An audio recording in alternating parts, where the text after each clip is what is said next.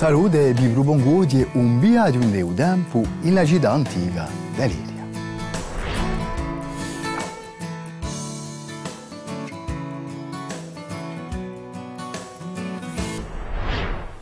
Capisce la storia d'Aleria e innanzitutto a beresi di specificità di uso territorio. Il sito è collocato in un piano che sopranedia il fiume Tavignano che dà in un mare. Tocco u 565 a.C. i vucesi s'arrudiunediano in Corsica e si stabiliscono in un'area che li chiamavano tanto Alaglia. Il sito diventa greco e si sviluppa con risorse cacciate da legno, l'animali e l'ape. E con lezioni di un museo d'Aleria ci aiutano assai a immaginare la vita di una città antica.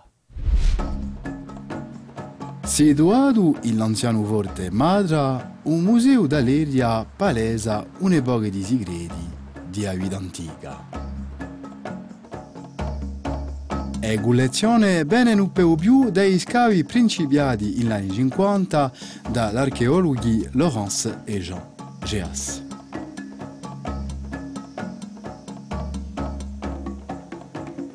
Giola Ramintacchi, lo scopo dell'archeologia è di unità, paragonare, data, misurare e ricostituisce ogni oggetto con precisione.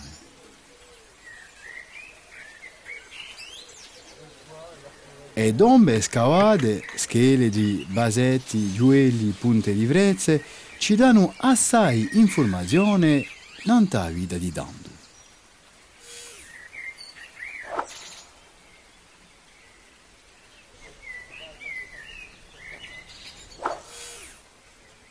Ma voltemmo al museo. Vi propongo di scoprire è collezione dell'epica greca che, ciò la dilla, bene non per più di necropoli di Casabianda. Sul cimitero Maiò ci borghe una mobilia funerale di V e IV secolo a Cristo, composta fra altri di vasetti grechi, ma di no etruschi. Ci pare interessante di mintuare a presenza al Museo d'Aleria di parecchi oggetti, cuppette, basi, piatti figurenti scene di pranzo, di musica, di ginnastica. E viure tengono un colore rossiccio di l'arzilla e un fondo che va pinto in nero.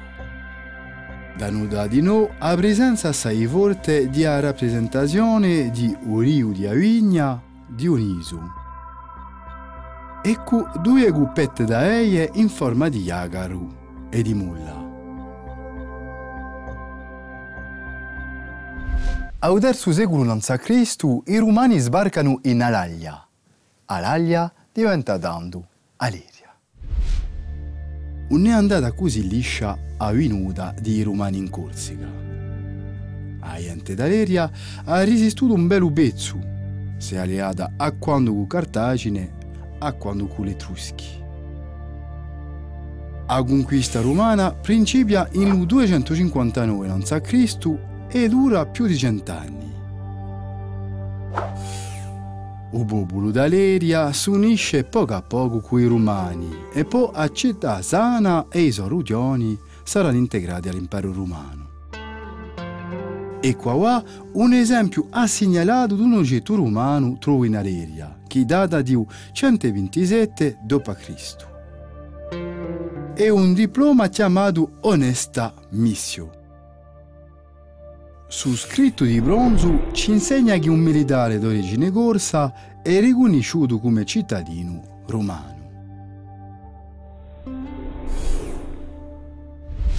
In Aleria si trovano gli elementi spudichi di una città romana. I vestiti che noi vediamo qui si trovano giusto accanto al Museo d'Aleria. Corrispondono infatti al centro dell'antica città romana. È interessante di studiare su piano per capire meglio l'organizzazione una città romana d'Aleria.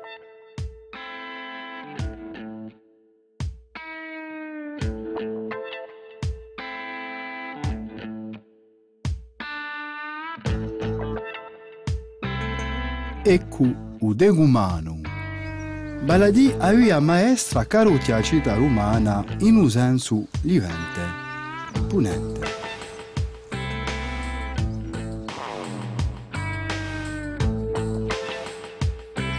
Awa u gardu un'altra via, ma in un senso nord, mezz'ora.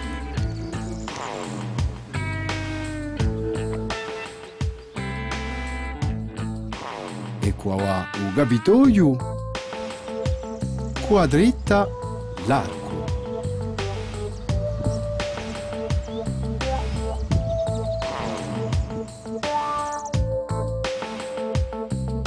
Vedete ciò che ferma di Udempio.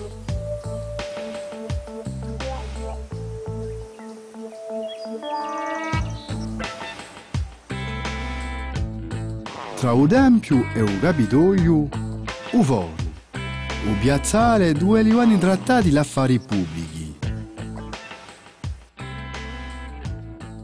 Infine, i uani pubblici, chiamati Ederme. I romani tennero l'isola in possesso più di sette secoli. Arregano la sua lingua, il ladino, la sua religione e uso modo di campare. Aliria sarà abbattuta dai Vandali in 420. Durante parecchi secoli, per via di un pericolo d'attacco e di malattie, le piagge saranno più o meno abbandonate. Da poi a metà del XX secolo rinviviscono i paesi di litorale e Aleria in particolare. Ramentiamoci, in Aleria si trovano tutti gli elementi spudichi di una città romana. Un foro, un capitolio, un tempio. A presto.